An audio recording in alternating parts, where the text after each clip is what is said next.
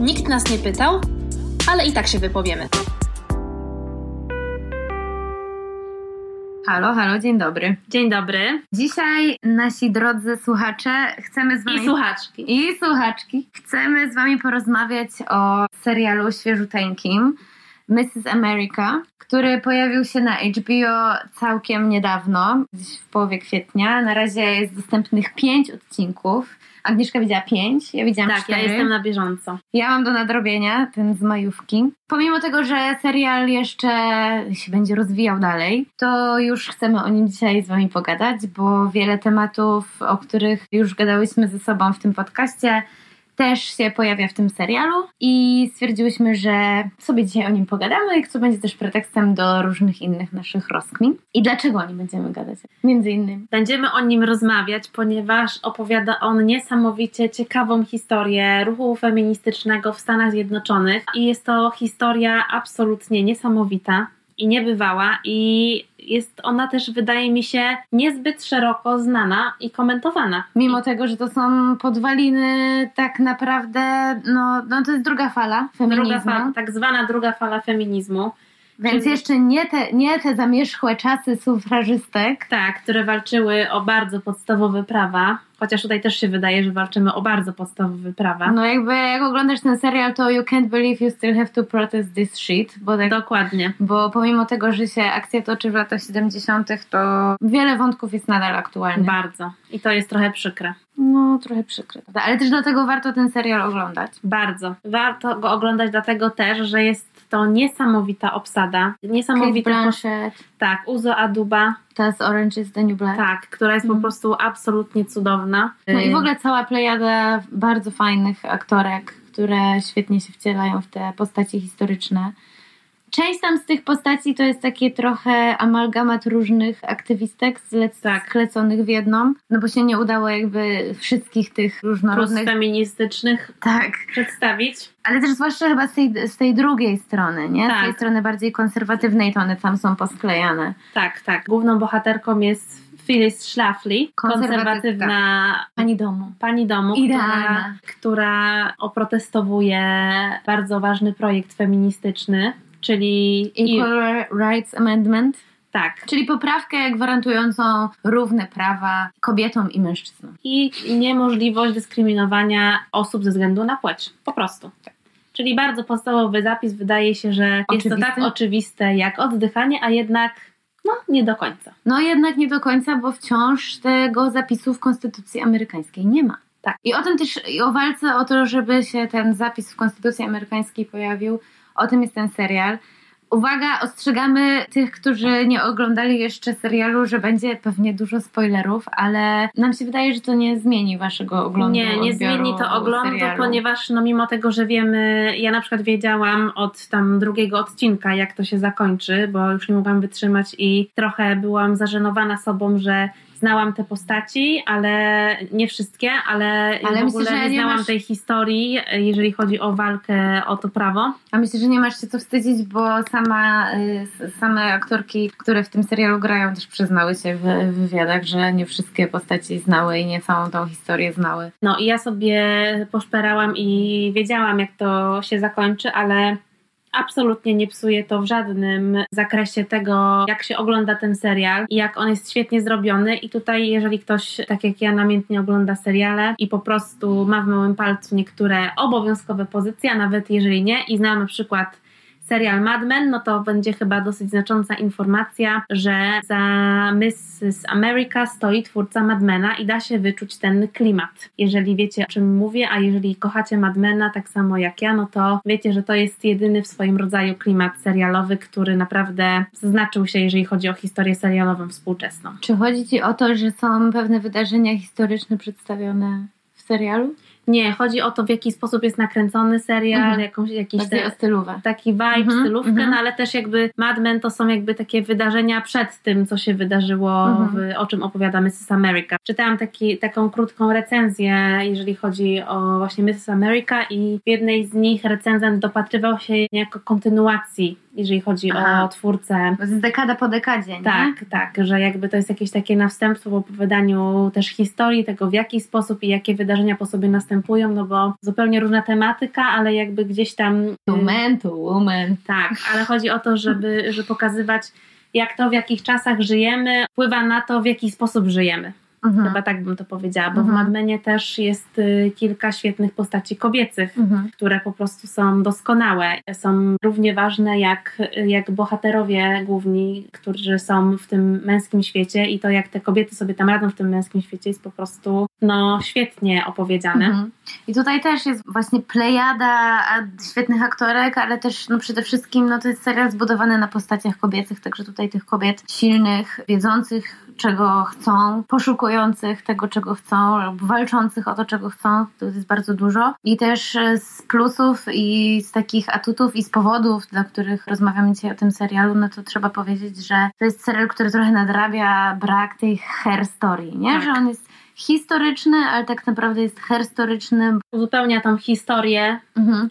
Pisaną przez mężczyzn i głównie o mężczyznach, o te ważne wydarzenia, do Mhm. których przyczyniły się kobiety i które zainicjowały kobiety. I jest to niezwykle ważne, jeżeli chodzi o różne strategie feministycznego odzyskiwania opowieści, herstory i opowiadania tego z perspektywy też kobiet. I bardzo fajne jest to, że twórcy tego serialu bardzo duży nacisk położyli na to, żeby nie opowiadać jej w takiej polaryzacji na tych, którzy są dobrzy w tej historii, a którzy są źli, bo tutaj każda z tych postaci, chociaż jest na przykład po tej dobrej stronie, Mhm. jest pokazana też jakby z tych swoich słabszych stron Mhm. i to jest w ogóle bardzo fajnie sproblematyzowane i no nie da się trochę nie patrzeć na te historie z perspektywy już trzeciofalowego feminizmu Mhm. i o tym też chciałybyśmy później może trochę więcej opowiedzieć. Dawaj ale teraz. nie, bo teraz jeszcze chciałam o Phyllis Schlafly powiedzieć, która jest jakby całą taką No jest osią serialu. osią serialu i ona Mhm. jest jakby główną bohaterką Kate trochę. Blanchett. Kate Blanchett, która jest absolutnie po raz kolejny wspaniała i po prostu ja nie mogę się nadziwić No talentowi. Tej kobiety. No po prostu ona potrafi stworzyć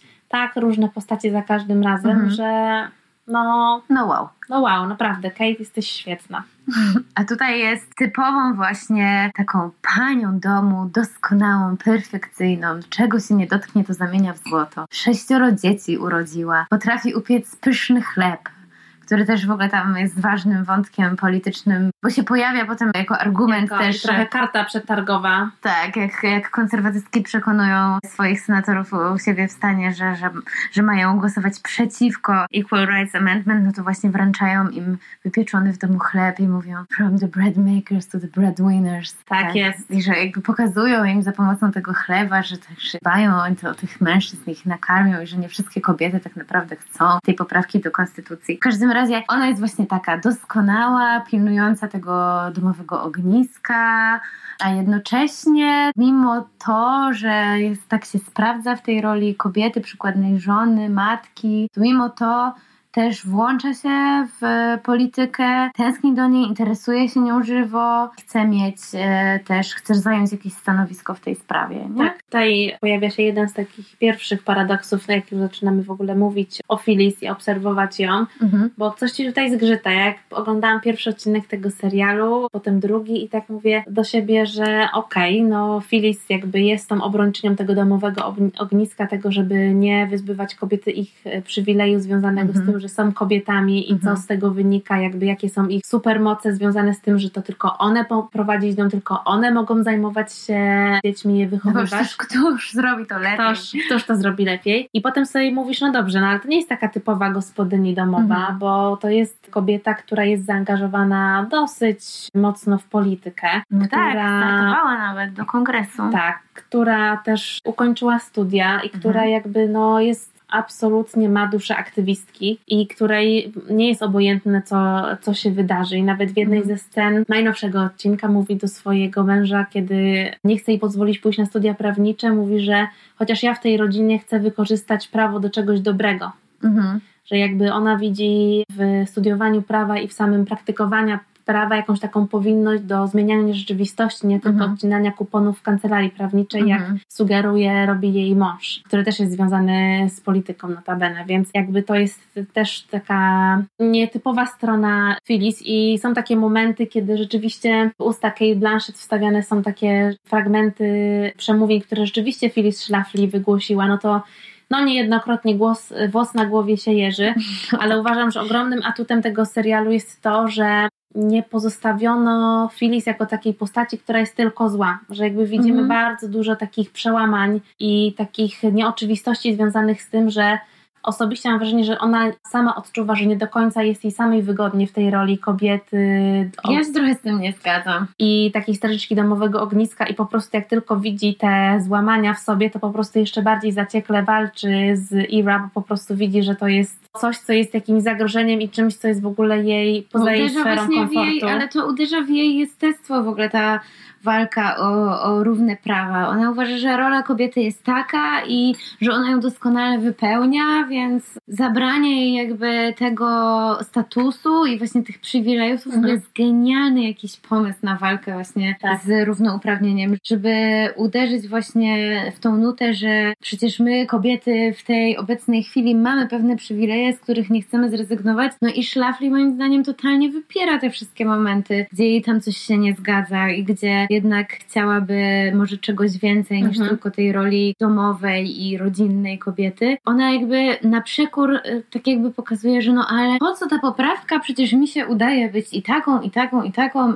a ta poprawka zabierze mi mój przywilej z tego, że jestem kobietą, więc Oczywiście ona jakby bardzo zagłusza to i absolutnie nie chce się wyzbyć tych przywilejów, to bardzo konserwatywne środowisko, w którym się obraca i też książki, które czyta są zupełnie różne od tego, co głoszą y, bohaterki po drugiej stronie mhm. barykady jakby i ja na jej miejscu pewnie też, gdybym obracała się w takim środowisku, też nie chciałabym nagle przejść na stronę kobiet, które, o których mówisz, są po prostu frustratkami, histeryczkami, które są nieszczęśliwe w życiu i swoją po prostu nieudolność muszą zastąpić w jakiś sposób jakąś histeryczną działalnością. No tak, bo to był właśnie też jeden z głównych argumentów nie? Że feministki to zło wcielone i to są kobiety właśnie, którym się nie udało w życiu. Tak. Dlaczego? No bo nie udało im się znaleźć męża, czyli właśnie nie udało im się spełnić tej roli kobiety, no tej tradycyjnej, tej, tak. której jej się udało. No. w ogóle też, jak spojrzy się na jej życiorys, to też jest w ogóle jakoś fascynujące dla mnie i trochę niezrozumiałe, że tak. ona może tak myśleć, bo no, to też się dowiadujemy z serialu, nawet mąż Szlafli jej to gdzieś tam w pewnej rozmowie wyrzuca, że no przecież twoja matka też nie była chroniona prawem, gdy twój ojciec stracił pracę i Szlafli się wychowała w takim domu, gdzie matka zarabiała też na, na życie. I tak, ona się... sama musiała podjąć pracę w wieku tak. 16 lat walczyła o tą możliwość podjęcia studiów, więc jakby całe jej takie życie związane z tym, że jednak matka musiała przejąć tą rolę osoby, która opiekuje się domem i jakby mhm. od niej zależy i tego, że ona sama musiała pomóc matce podejmując pracę, no to mogłoby nas sugerować nam, że no ona jednak pójdzie w stronę Glory Steinem i mm -hmm. Betty Friedan i po prostu będzie walczyła o Equal Rights Amendment, ale jest zupełnie inaczej i to jest w ogóle, no wydaje mi się, jeszcze jedna z takich bardziej fascynujących faktów, jeżeli chodzi o samą postać Szlafli, mm -hmm. taką mm -hmm. jakąś konfliktowość i według mnie gdzieś tam może przemawiać za tym, że jednak ona po prostu gdzieś w pewnym momencie swojego życia uczepiła się jakiejś wizji kobiety, którą chciała realizować.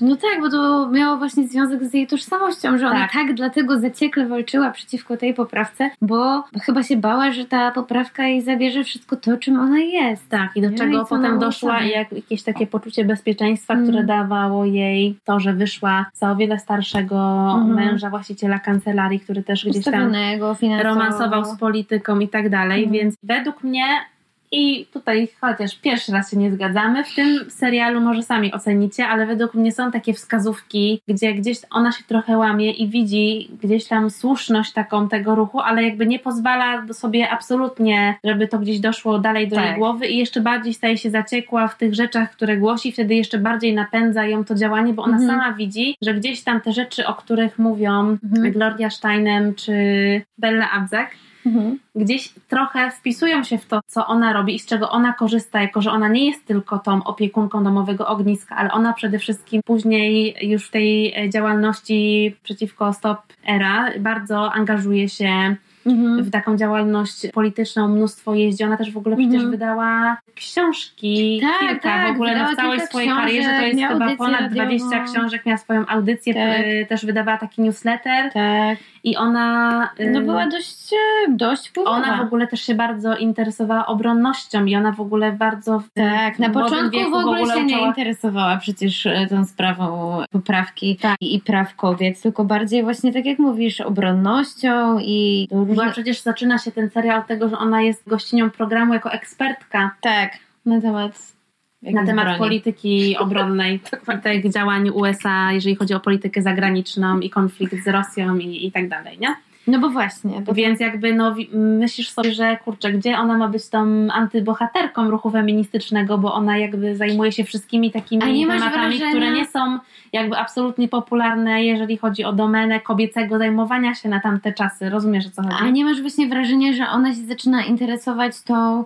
sprawą właśnie kobiet i sprawą feministek, dlatego że widzi, że to jest dla niej szansa, że może na niej wypłynąć, że to jest jakaś taka sprawa gorąca, dyskutowana Mhm. i że zamiast się właśnie zajmować obronnością, to powinna się zająć tą sprawą kobiet i że jej głos może będzie miał większe znaczenie w tej sprawie, więc bo jak dla mnie to ją też, nią też steruje właśnie ta ambicja i ta no, chęć i jednak taka jednak kalkulacja, na czym na ona może siebie. wypłynąć, no, ale właśnie ta ambicja jakby w takim bardzo tradycyjnym rozumieniu nie powinna przynależeć kobiecie, która powinna spełniać się jako opiekunka domowego ogniska, więc to jakby... to jest ten paradoks. To jest, no. to jest ten paradoks, który też wytykały jej feministki w różnych Mhm. debatach, że stara, wszystko super, możemy się nie zgadzać, ale sama korzystasz z przywilejów, które chcesz nam odebrać. I ja na przykład oczywiście nie mam tego doświadczenia walczącej o prawa, chociaż no w czarnym proteście Mhm. brałyśmy udział i tak dalej i domagamy się bardzo wielu praw może na co dzień, jeżeli chodzi o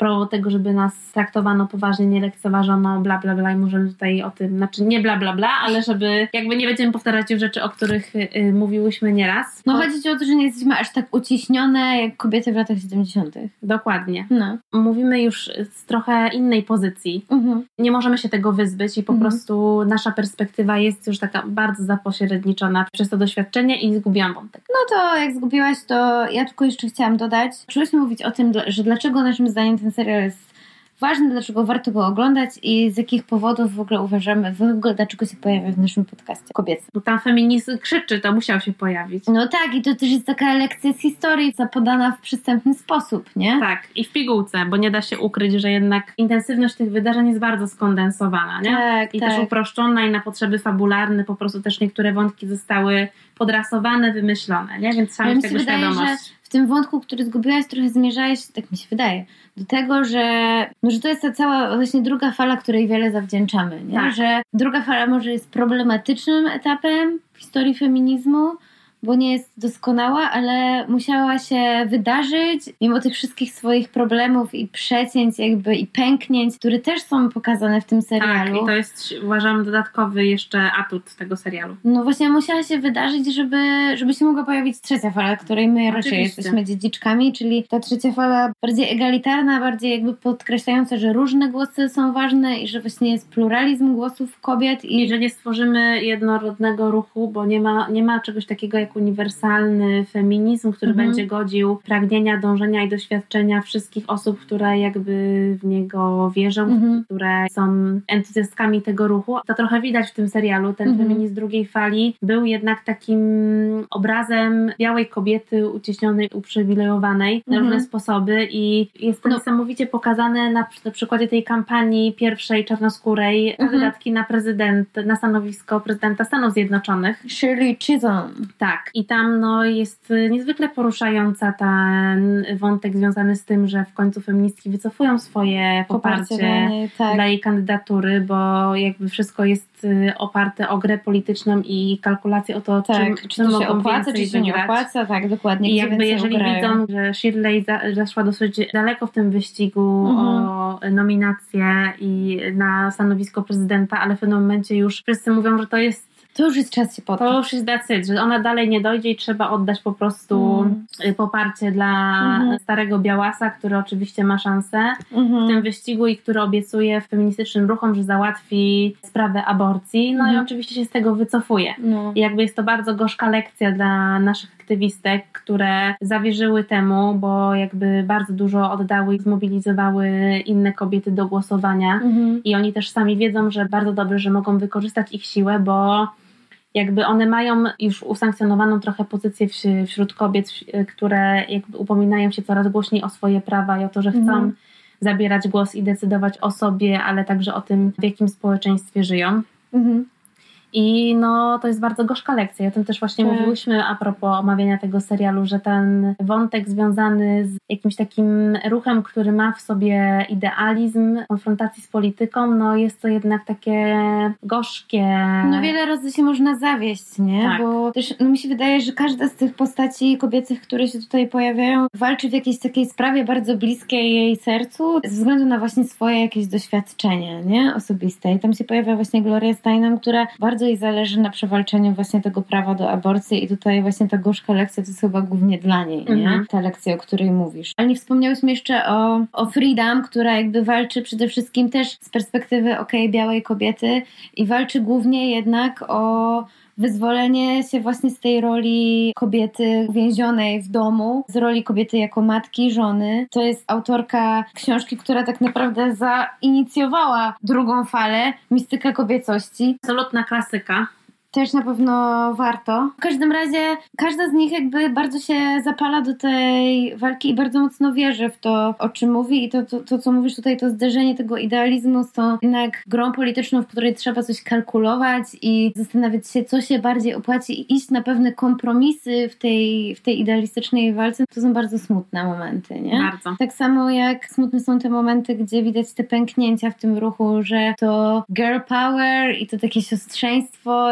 jest właśnie niejednorodne, nie? To też tak. jest jakaś taka lekcja, która płynie z drugiej fali, że, że właśnie to, co mówiłaś wcześniej, że nie ma jakiejś takiej uniwersalności doświadczenia bycia kobietą, tylko każda z nich będzie też walczyła trochę w swojej sprawie i dla każdej z nich trochę inny temat będzie ważny, dlatego te pęknięcia i te podziały się uwidaczniają też w tym tak. serialu coraz mocniej z każdym odcinkiem. Tak, jest, jest mnóstwo takich scen, które właśnie pokazują te rozłamy w samym ruchu i na przykład w redakcji Miss Magazine, którego mm. szefową jest Gloria, Gloria Steinem, jedna z redaktorek, to czarnoskóra kobieta, która w pewnym momencie zaczyna się coraz bardziej oddalać od swoich sióstr, ponieważ zaczynają ją interesować trochę inne rzeczy. Zaczyna romansować z takim feminizmem, który skoncentrowany jest na sprawach czarnoskórych kobiet, no bo one bardziej oprócz seksizmu będą bardziej ich interesowały kwestie jednak rasizmu, no bo to są mm. takie rzeczy, z którymi białe kobiety nie do końca mogą relate, no bo nikt im mm. nigdy nie zakazał wejścia do jakiegoś budynku mm. albo siedzenia w restauracji dlatego, że mają inny mhm. kolor skóry i to są absolutnie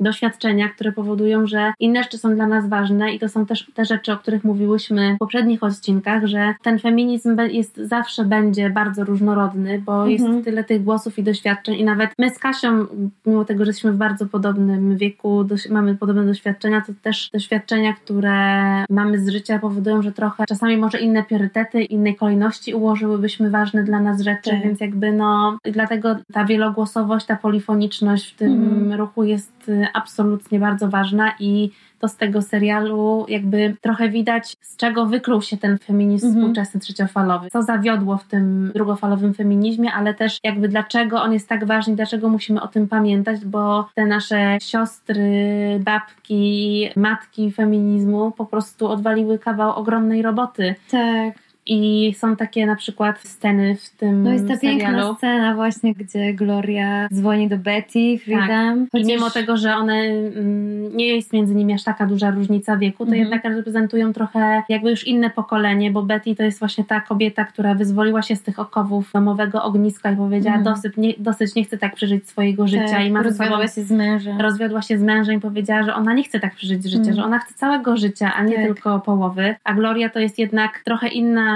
no, inna bohaterka, która jednak wychowana jest, na, jest mm. na takim ruchu hipisowskim, wolności, miłości i one mają zupełnie inny vibe. Uważam, że świetnie oddają te aktorki, tak. które wcieliły się w, i, w ich rolę. I kiedy dochodzi do jakiegoś tam sporu w środowisku tych aktywistek o jakąś sprawę, to ma być zostać rzeczniczką, czy wziąć mm -hmm. udział w debacie, to później Gloria jednak dzwoni do Betty i mówi, że możemy się nie zgadzać w bardzo wielu rzeczach, ale twoja książka zmieniła moje moje życie i w ogóle będę Ci zawsze za to wdzięczna. Tak, no i to jest jakaś taka wdzięczność chyba, no, którą warto też w sobie mieć, nie? Że właśnie, kurczę, kawał dobrej roboty już został odwalony i jesteśmy tej roboty dziedziczkami. No gdyby się to nie wydarzyło, no to dzisiaj byłybyśmy w innym, w innym miejscu. Ale mimo to, że to wszystko się wydarzyło, to też, no właśnie, no I can't believe I still have to protest this shit, jak powiedziałam na początku. Dokładnie. Także wciąż, pomimo tego, że to było lata 70., także no, no mamy już jakieś pół wieku prawie, tak. no to jednak bardzo wiele tych tematów i takich wątpliwości, które się w tym serialu pojawiają i takich paradoksów, i takich trochę, powiedziałabym, rozdwojeń jaźni w pewnym no. sensie, one są wciąż aktualne, nie? I to, że właśnie często stajemy chyba przed takim wyborem, że czy tutaj zagrać na taką kobiecą jakąś tam słabość, żeby coś właśnie wygrać, mhm. czy jednak, kurde, nie uciekać się do tego kroku i robić rzeczy zgodnie z własnym sumieniem, a chociaż może się okażą mniej, mniej skuteczne. Dużo takich dylematów też, przed którymi stają te bohaterki, nie? Czy właśnie zrezygnować z tego przywileju na rzecz równości, bo tej równości też się w pewnym sensie jakby obawiamy, tak? Wiadomo, że to są e, głupie argumenty, że ktoś nie będzie za ciebie nosił zakupów, mhm. albo coś tam, albo nie będzie ci otwierał drzwi, no jakby to są pierdoły, ale z pewnych przywilejów trudno jest kobietom dzisiaj też nadal zrezygnować, nie? Ale to chyba... Sprawa do wcześniejszej emerytury, nie wiem, jakby z jakichś takich... No ale to są to jakby, to jest bardziej złożony problem i to jest też to, z czym się konfrontował feminizm życiofalowy, że praca w domu to też jest praca, o której się nie mówi. Kobiety po prostu zazwyczaj odwalają dwa etaty i są takie piękne teksty feministyczne, które tą codzienność też wznoszą trochę do rangi jakiegoś takiej odświętności, jakiegoś takiego piękna i doceniania tego, że taka codzienność i związana z tym praca nad takimi rzeczami, których nie postrzegamy jako pracę, mm. może być też jednakowo ważna i można w niej znaleźć jakieś interesujące rzeczy i no na przykład jest taki tekst Jolanty Brachczajny Szczeliny Istnienia, który no jest takim klasykiem feministycznym, zwłaszcza jeżeli chodzi o polski feminizm, więc wydaje mi się, że zależy jakby z kim rozmawiamy, ale no dla wielu wciąż naszych mam, jak rozmawiam ze swoimi koleżankami czy z kolegami, no to to jest tak, że no to jest oczywiste, że na przykład dzieckiem będzie zajmowała się kobieta, że będzie dbała o no dom no kobieta. To się oczywiście zmienia i jakby jest to w ogóle może nie na miejscu, że w ogóle o tym rozmawiamy, no bo dla niektórych naszych słuchaczy i słuchaczy będzie to po prostu obvious. So obvious that, that it's not even worth to say about it, but we are still doing it. I jakby wiecie, no po prostu it's complicated. No i właśnie chyba fajne jest też w tym serialu to, że on tak trochę komplikuje. Wiadomo, dużo też upraszcza, nie? Ale że pokazuje takie, pokazuje tą różnorodność i złożoność problemu, tak mi się wydaje, że stara się być mimo wszystko oddać sprawiedliwość i tej i tej stronie i pokazać pewne racje, które podnoszą te kobiety z jednej i z drugiej strony, pewne właśnie doświadczenia, z których te racje wynikają. To też jest jakieś takie istotne, że właśnie mimo tego podobieństwa tych dwóch stron barykady, że po obu stronach barykady są kobiety, które się aktywizują w swojej sprawie i o coś walczą, więc reprezentują tę postawę zaangażowania i pewnej walki o swoje prawa, no to te prawa i te przywileje są widziane zupełnie inaczej i że ten światopogląd jest taki różny. Nie? Tak, jakby mają, żyją w podobnych czasach, a tak zupełnie różnie widzą mhm. rzeczy, o które walczą, które są dla nich ważne i na przykład jest to oczywiste, że mam tutaj jakiś taki konflikt konflikt związany z dostępem do wiedzy, bo mhm. większość mm. tych jednak republikańskich aktywistek po stronie Phyllis Schlafly, które z dnia na dzień stały się aktywistkami, mm. nigdy nie wiedziały, że mają w sobie ten power, żeby coś robić i wyjść z domu. Jest mnóstwo takich scen w serialu, kiedy one po prostu odkrywają w sobie jakąś taką siłę związaną z tym, że mogą się zjednoczyć w jakiejś sprawie i że ich działania mogą mieć jakieś znaczenie tak, i też poza domem. No. I to, takie rzeczy związane z tym, że to, że one zrobią, narobią tych chlebów 100, no. to po prostu przyczyni się do tego, że jakaś sprawa zostanie załatwiona, że tak. coś, o co one walczą, uda się. I to jest w ogóle niesamowite, że, że po prostu ten aktywizm rozbudany w tych mhm. kobietach, które siedzą w domu i są przekonane o tym, że to jest, jest ich przeznaczenie. Jest przeznaczenie i one się czują świetnie, a potem się okazuje, że jak wychodzą z tego domu i zaczynają robić inne rzeczy, to one po prostu pragną coraz więcej i mają Właśnie apetyt na więcej. że one się jarają tym i że też ze sobą rywalizują o to, kto będzie przemawiał, Tak. na jakim wiecu, na jakiej o tam innej jakiejś ich, ich spotkaniu, na którym się samo organizują. I Tak, no że ale ja- też ta ambicja w nich jest widoczna i ta Tak. troszeczkę rywalizacja, która no, w pewnym sensie jest, jest też obserwowalna w tych Tak, w więc to jest jakby taki kolejny jakby przykład takiego niedocenianego kapitału, który jest jakby uśpiony w tych domach i Mhm. w, któremu mówiono, że to jest twoje przeznaczenie być w domu i po prostu zajmować się tym, tym domem i jeżeli to jest twój wybór świadomy, to super, jeżeli możesz świadomie zadecydować, ale wiele z tych kobiet nie dostało takiej alternatywy, że to jest jakby okej, jeżeli zostaniesz w domu, ale możesz też pójść inną Mhm. ścieżką, albo jeżeli chcesz, możesz połączyć obie te rzeczy, jak rozrobiła sama Phyllis Schlafly. Mhm. Tutaj też jakby widzimy, że po stronie Schlafly mamy kobiety, które jakby wiedziały, że to jest od początku ich przeznaczenie, a po stronie tych feministek mamy raczej kobiety, które skończyły studia, które przeczytały mnóstwo takich tekstów, klasyków, które ukształtowały ich y, myślenie wówczas i one jakby no trochę nie mogły znaleźć tego wspólnego głosu Mhm. i jakby dla mnie takie bardzo trudne w oglądaniu tego serialu jest takie wyzbyć takiego myślenia, że dlaczego w ogóle wy się nie dogadałyście?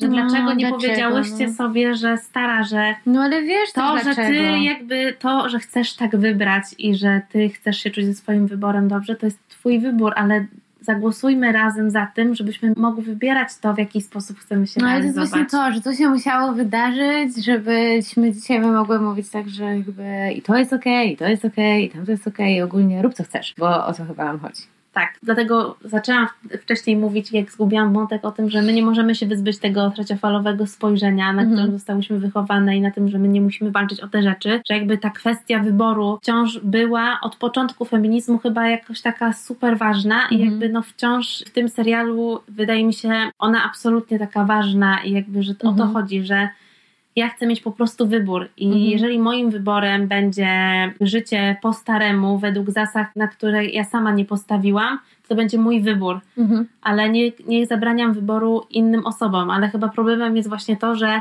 w kategoriach tych kobiet, które reprezentuje Phyllis Schlafly, w ogóle kategoria wyboru jest jakaś taka trudna do wyobrażenia sobie, Mhm. że my same mogłybyśmy wybrać, bo Mhm. za te kobiety bardzo często wybierano przez ich całe życie. Mhm, mhm, I one zostały jakby bardzo często były chyba stawiane Że w jakichś tam wybór, sytuacjach. nie? no, Że jakby- jakby realizowały jakiś scenariusz od Tak. tych jakby dorastania, nie? mhm. Albo ci się uda, albo ci się nie uda. No, więc no No tyle. już. No już, my już. Bym poszła za oglądać ten piąty odcinek. No tak, ja jestem do przodu, ale ja w ogóle chyba sobie, jak będzie wszystko, to obejrzę jeszcze raz, bo jakoś ja lubię oglądać tak całościowo Mhm. i po prostu teraz tak dla mnie oglądanie z tygodnia na tydzień jest takie dosyć problematyczne. Ja już bym chciała wiedzieć, chociaż no wiem, co się wydarzy, ale wciąż mnie ciekawi, w jaki sposób oni przedstawią te Mhm. bohaterki. Jakby jest, no ten W świet ogóle- świetnie realizowany. Mi się wydaje, więc... że w ogóle fajnie byłoby to obejrzeć potem jeszcze raz, no bo tam jest dużo takich złożoności też właśnie tego systemu politycznego, tego prawnego systemu amerykańskiego. który Wiadomo, jest do ogarnięcia tak, no... W ogóle przecież na początku roku, tego roku właśnie 38 stan zatwierdził w końcu tą, tą poprawkę do konstytucji, więc o tym jest cały serial, że 38 stanów musi go zatwierdzić, żeby on, tylko tam w określonym czasie, że, żeby ta poprawka weszła do konstytucji, no a na początku 2020, znaczy po ilu, po 50 tam, no niecałych 50 Tak. latach, wreszcie się udało ten 38 stan To się e, w czasie nie dołączył. zmieściło. No nie zmieścił się w czasie. Ja myślę, że fajnie obejrzeć jeszcze raz, potem też trochę po tym researchu związanym z całą tą historią, którą ten serial w pigułce przedstawia. Tak jest. No i zachęcamy oczywiście do odkrywania Herstory.